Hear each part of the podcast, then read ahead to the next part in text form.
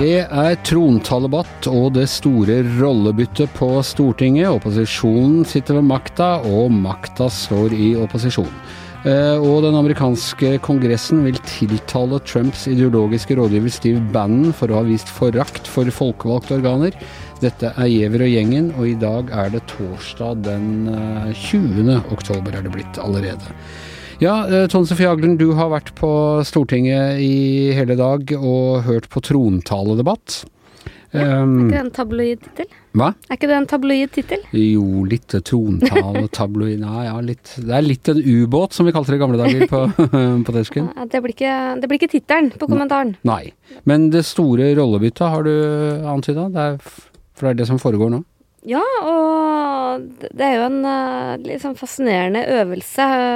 Politikerne har jo fått mye skryt for eh, hvor fredfullt og, og fint det her eh, regjeringsskiftet har gått. Du ser jo eh, påtroppende og avtroppende statsråder som klemmer hverandre og ønsker hverandre hell og lykke. Men en ting som er vel så fascinerende, er jo egentlig hvor fort de hopper inn i sine nye roller. Ja, jeg må si jeg hørte på Politisk kvarter i morges, og den som trodde, den som fryktet at, eller håpet at Erna Solberg skulle bli litt sånn daff, nå har livstrøtt eks-statsminister, de ble skuffet. Hun var rett på i opposisjonen, altså. Ja, og det som er ekstra imponerende med, med henne, er jo at hun har brukt helga på å gå rundt på Ikea og kjøpe seg møbler til den lille treromsen sin og, og skru de møblene. Og det kan jo ta nuen av hvem som helst. For nå skal hun på stortingshybel, og så hjemmet deres er i Bergen. Ja. Ja. Så jeg regner med hun ikke tuller med akkurat det der. nei. det har vi vel lært. Nei, og, er, og det er litt sånn Gro Harlem Brundtland gjorde i sin tid også, liksom. Var rett på som eh, opposisjon.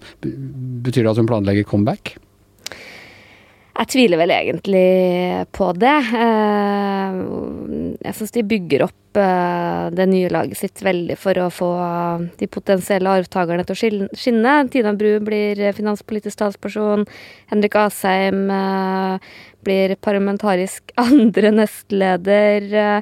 Og blir sånn arbeid og arbeidspolitisk talsperson, er det det de kaller det da? Og mm, Sanner. Ja, nei, hva skal Sanner gjøre? Han, blir kunst, han skal bli inne i kunnskapskomiteen, skoleutdanningskomiteen. Ja. Han har jo vært kunnskapsminister tidligere, og Ine Eriksen Søreide er vel den som kanskje får likest rolle, med at hun fortsetter å bli leder i utenrikskomiteen. ja. Men du, jeg må bare spørre deg også da lederen for justiskomiteen. Per-Willy Amundsen. Det ble sånn passe mottatt i min Facebook-feed i ja, det vil jeg tro. Eh, For å si det positive, så har han jo erfaring fra Justisdepartementet. Han har vært justisminister som de fleste i Frp-ere, får vi nesten si. Ja. Så nei, det, det er han er en en kontroversiell figur, det er, ikke noe, det er ikke kontroversielt å si. Nei, det er ikke kontroversielt å si. Han er også det internt i, i eget parti, og har jo også vært i klammeri med FPU, ungdomsorganisasjonen. og Han var ute og ba om tilgivelse. der, ja, det, jeg vil vel ikke si at han la seg paddeflat og sånn, men han skjønte vel at uh, skulle hans politiske fremtid være lys og lovende, så må han vel uh, ordne opp litt. Men han er jo en person som har en del kontroversielle uttalelser, og er jo uh, Ja, han kommer helt sikkert til å bli lagt merke til i den rollen der. Du, hva tror du blir opposisjonens rolle under denne regjeringen? Hvilken form kommer det til å ta? Ja, det er jo det vi liksom prøver å, å få et uh, bilde av. Og uh, jeg vet ikke om jeg har noe sånn veldig sånn klart uh, bilde av det ennå. Uh, jeg synes kanskje først og fremst er interessant å se hvordan posisjonen ter seg. De fikk jo denne strømkrisa, eller de galopperende strømprisene rett i fanget. og Det fins ingen mirakelkur, sier Sigurd Slagsvold Nei, og det er jo også litt fascinerende, for han har jo virkelig gitt uttrykk for at det finnes mirakelkurer mot både det ene og det andre. Han har jo det. Nå var det jo om å gjøre her skulle utredes, men jeg syns det også var like så fascinerende å se hvor kjapt uh, Henrik Asheim var ute, og nå må regjeringen Han skynde tror seg på mirakelkurer nå. ja. Så liksom, de, de tilpasser den nye rollen uh, veldig fort, da. Mm. Eh, men eh, tror du du Altså, uh, Sylvi Listhaug har holdt på med de venstresosialistiske radikalerne, eller hva hun eh, kaller dem for noe. Og dette er jo en veldig sentrumsorientert regjering. Kommer de til å tror du konsentrerer seg om å angripe Senterpartidelen av det, som liksom er det mest borgerlige, eller Arbeiderpartidelen av, av regjeringen, som liksom heller mot å finne støtte på, til venstre for seg? Ja, Det var i hvert fall fascinerende å se når de la fram Hurdalsplattformen. Så var det jo de tre partiene på venstre side, SV, Rødt og MDG, som virkelig brukte de store adjektivene og var de kritiske, mens uh, de borgerlige var litt mer sånn tilbakelent. Og, og det, det, er jo en plattform som er litt uh, schizofren, i den forstand at de appellerer veldig til venstresida med store ambisjoner for offentlig sektor, mye som skal bli gratis og billigere og bedre og jeg vet ikke hva.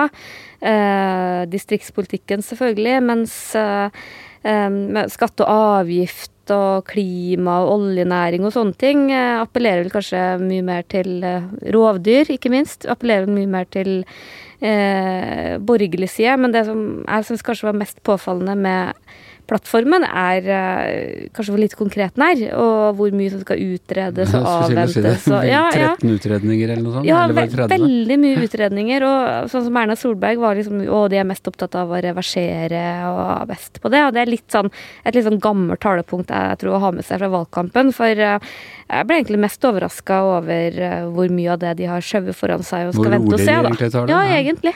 Hva tror du om Viken? Vi snakka om Viken her i, i går. og, og Per Olav Lundteigen, eh, skyggereverseringsministeren før valget, var jo veldig tydelig på at Viken må oppløses. Eh, så er det kommet litt blandede signaler etterpå.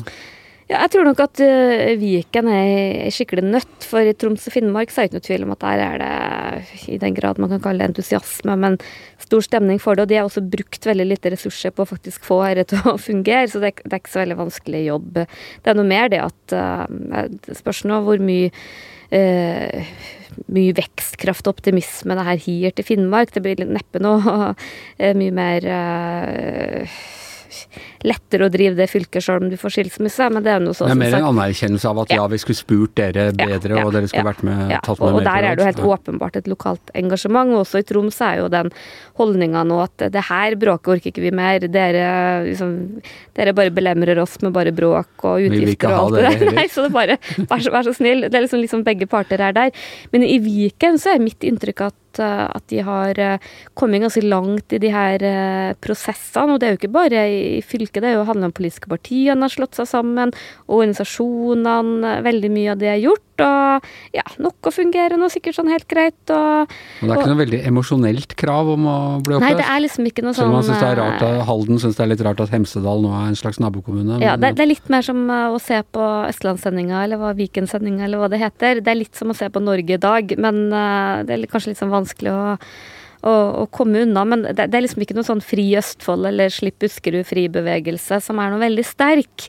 Eh, så, så, jeg tror nok kunne man liksom bare knipsa med fingrene, så ville du helt sikkert ha, ha sagt skilsmisse. Men det er jo koster ganske mye penger, det ene det ene. Men det andre er at det tar veldig mye tid og krefter å, å få gjort det her. Så, så, jeg tror mange liksom ser litt sånn mørkt på det. da. Det er, det er liksom veldig lite kost kostnader eller gevinster for det i den andre sida. Mye kostnader og lite gevinster.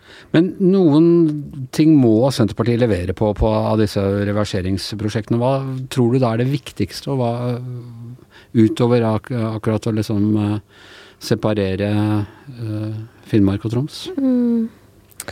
Nei, de fikk jo en veldig sånn, sterk symbolsk seier i uh, i, i Nesna, men jeg tror nok for Senterpartiet så tror jeg nok at det er Eh, vel så mye det der gjennomgående for, for, det er jo det som helt åpenbare med Hurdalsplattformen, er hvor mye distriktspolitikk gjennomsyrer den.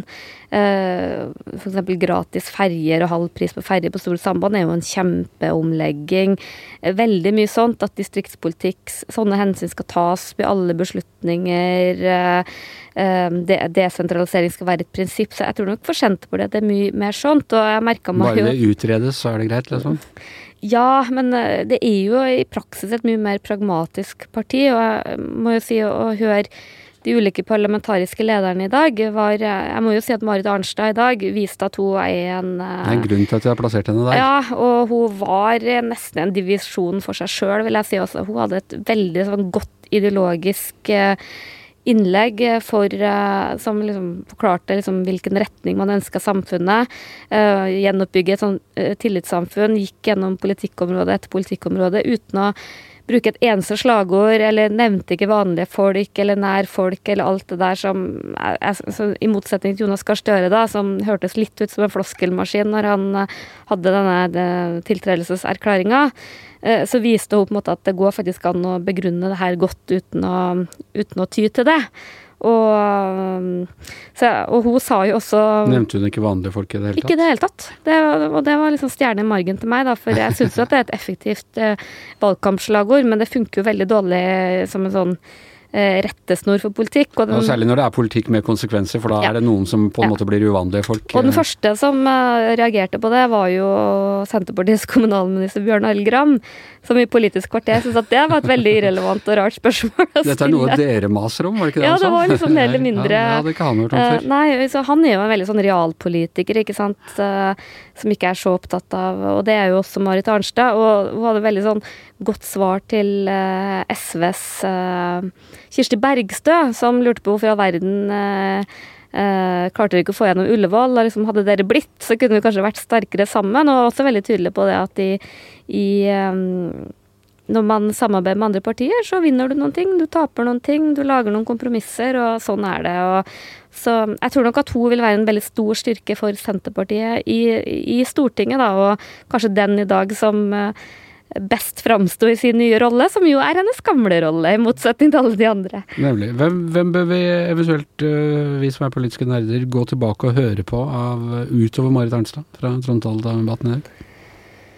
Uh, I dag Nei, um, jeg syns vel det var det innlegget som jeg syns var det beste. Så var det jo stor spenning til da Lan Marie Berg, som har vært Oslo-politiker, skulle uh, holde uh, det hovedinnlegget på vegne av Miljøpartiet. For Une Bastholm har jo permisjon.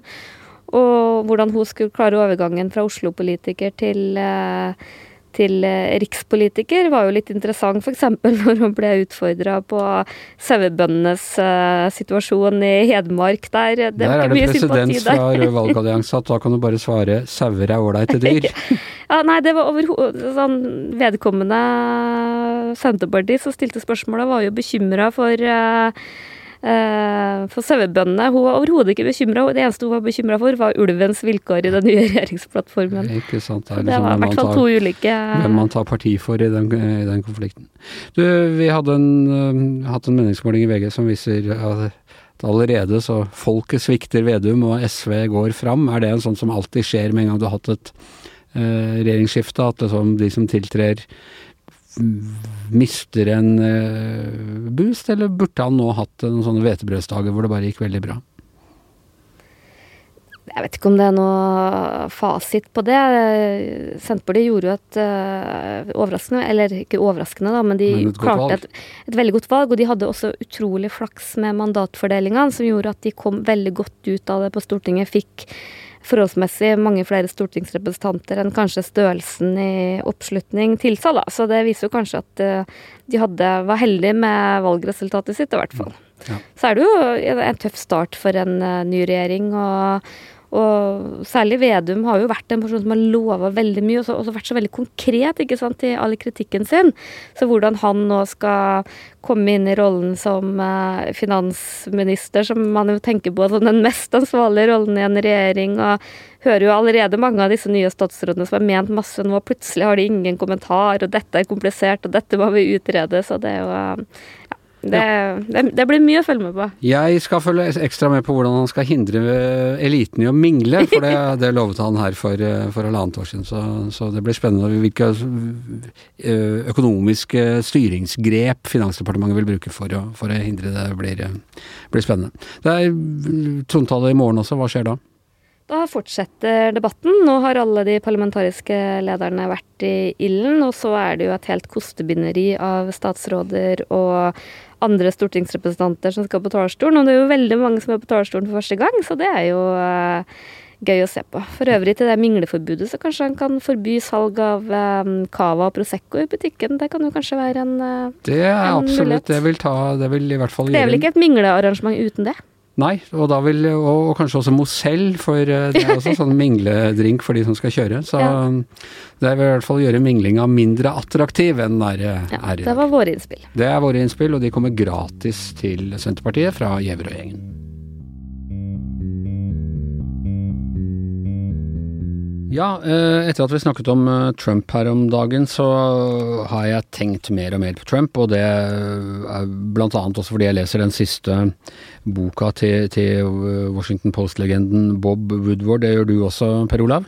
Ja, jeg er eh, godt i gang. Hvor langt har du kommet? da? Nei, Jeg er fortsatt litt tidlig i boka. Ja. Eh, og, så jeg har lest en del om eh, det som, eh, eh, som skjer i forhold til eh, når de må ta telefoner til Kina og forsøke å berolige og, og, og Det er som ut av en Tom Clancy-roman. Ja, fordi kineserne ikke forstår hva som skjer etter 6.1, om alt er i oppløsning, om de har tenkt å angripe dem, eller hva. Og da, han er Millie, han som da er ja. uh, øverstkommanderende for de væpnede styrkene. Han prøver å overbevise kinesiske motparten sin, men som det står, men han var ikke helt overbevist selv.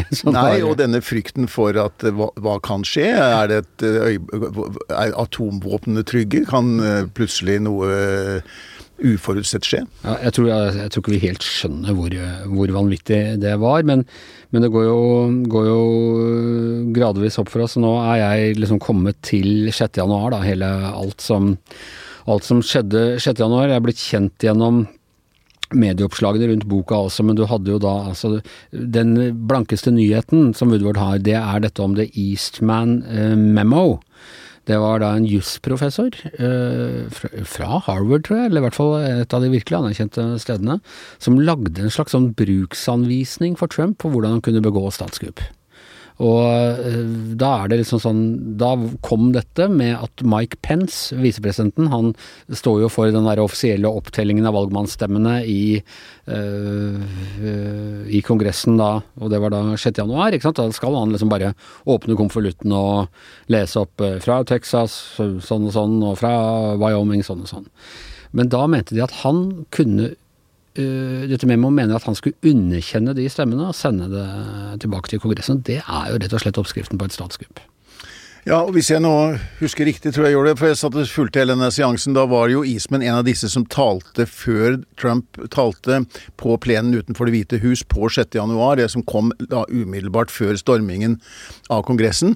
Giuliani var der, Eastman var der, eh, og eh, både Eastman og Giuliani er jo også knyttet til dette med Sammen med Steve Bannon, som skal ha sittet og på et såkalt war room eh, i, på et hotell i Washington DC disse dagene og planlegge hva som skulle skje da, med disse demonstrasjonene mot stopp til stil, som de kalte det. Og nå er det altså en egen, uh, egen uh, komité i uh, Senatet som er satt ned for å undersøke, undersøke dette. De skal jo bl.a. vurdere om Eastman, om de skal anbefale at Eastman fratas rett og slett lisensen sin til å, til å praktisere Eh, praktisere lov. Eh, og de har også innkalt Steve Bannon.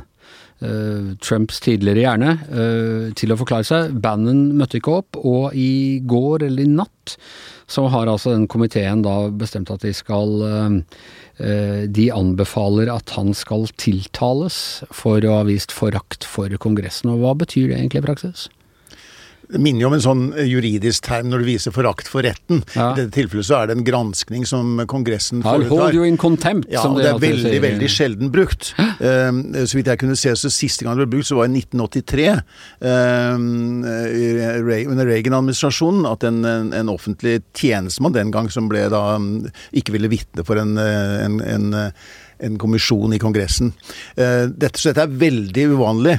Men uh, Bannon uh, denne komiteen, som består av sju demokrater og to republikanere, som republikanerne egentlig motsatte seg ble dannet, men noen republikanere er likevel blitt med, bl.a. Liz Cheney, som jo er en kritiker av Trump eh, og, Trumps rolle i forbindelse med 6. januar. Eh, de stevner jo vitner, og Bannon var regnet som et viktig vitne. De mener han hadde en viktig rolle i kulissene. At han, eh, han, var, han jobbet jo ikke direkte for Trump på det tidspunktet, altså på slutten av Trumps presidentperiode. Han sluttet jo i Det hvite hus allerede i 2017. Han var en viktig figur både under valgkampen kuppene i 2016, som vi husker, og også viktig strateg for Trump i det første året, godt og vel, av uh, hans presidenttid. Men så, uh, så forlot han Det hvite hus. Uh, men og da tvitra Trump at da han mista jobben, mista han også forstanden, eller et eller annet sånt? Ja, det kom en del ganske dårlige meldinger fra begge sider mot hverandre da i tiden etterpå. Men de mener Men noe av grunnen til at de nå letter søkelyset mot Bannon, er jo det at han Det de delte var forakten for det representative demokrati. Det var den manglende respekten ja, for det. Bannon var jo opptatt etterpå å reise litt rundt i verden. Han var bl.a. i Europa prøvde å samle høyreradikale partier i Europa. Og på mediedagen i Bergen, annet. Ja, nettopp. Så han, hadde en, han var litt mer rettet oppmerksomheten litt utover USA. Men er bare tilbake igjen da eh, i januar i USA. Og eh, de vil jo vite hans rolle her. Det vakte jo veldig oppsikt at han kvelden før eller dagen før 6. januar eh, hadde et eh, sånn opptreden i et talkshow, hvor han jo snakket om at eh, i morgen så bryter helvete løs, og han sa at vi er liksom rett like før, skal, før angrepstidspunktet. Vi kommer til å bli svært dramatisk. Sanne vendinger hadde han. Dette er sånn som siteres fra denne kommisjonen. De mener at han samarbeidet med Giuliani og andre, uh, og at det var en plan, da. Og så er det spørsmålet er hva var presidentens rolle oppi alt dette? Um, det er det den kommisjonen forsøker å finne svar på. Og da mener de at bandet er et viktig vitne, men han nekter å stille. Men altså, hva skal de, skal de finne ut liksom, hvem som sto bak? Og, og altså, hvis man da definerer dette som et statskuppforsøk, og at bandet nå, for så vidt Trump og sånne ting er skyldige, skal de da stilles uh, for retten og dømmes for høyforræderi? Eller hva, hva, er liksom utgangen på dette her?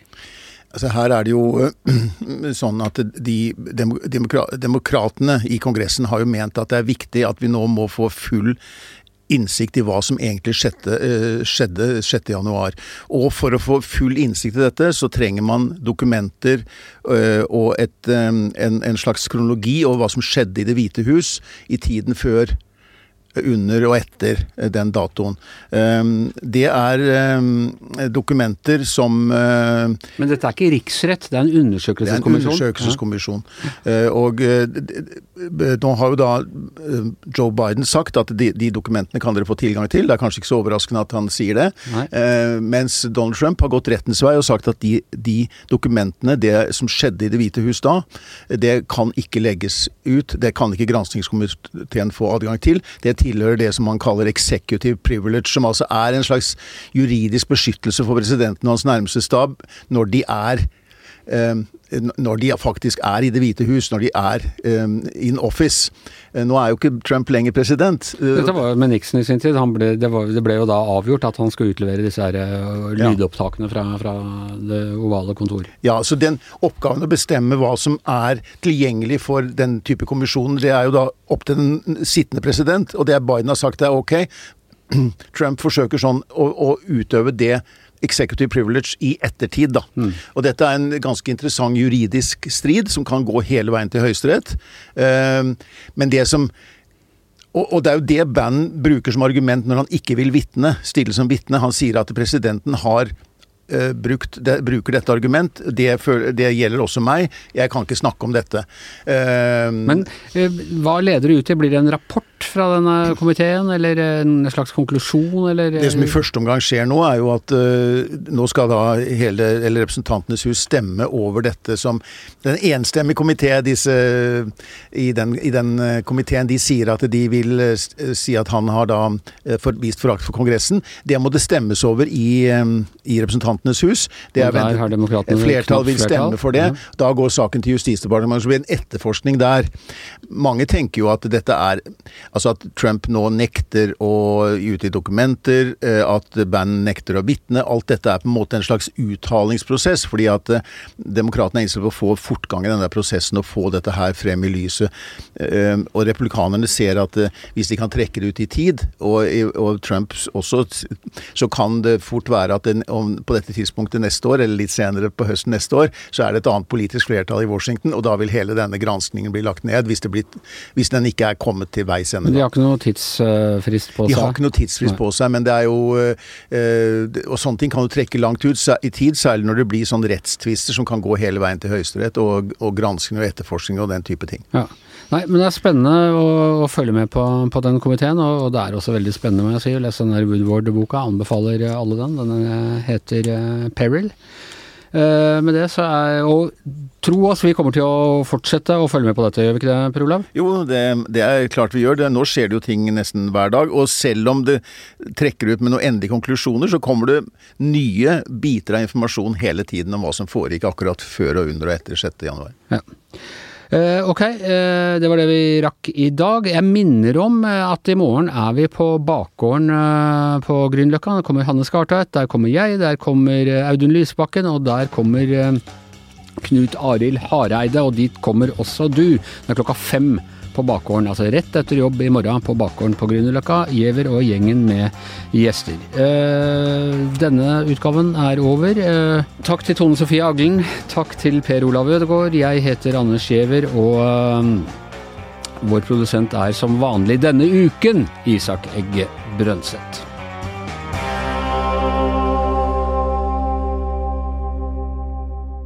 Du har hørt en podkast fra VG.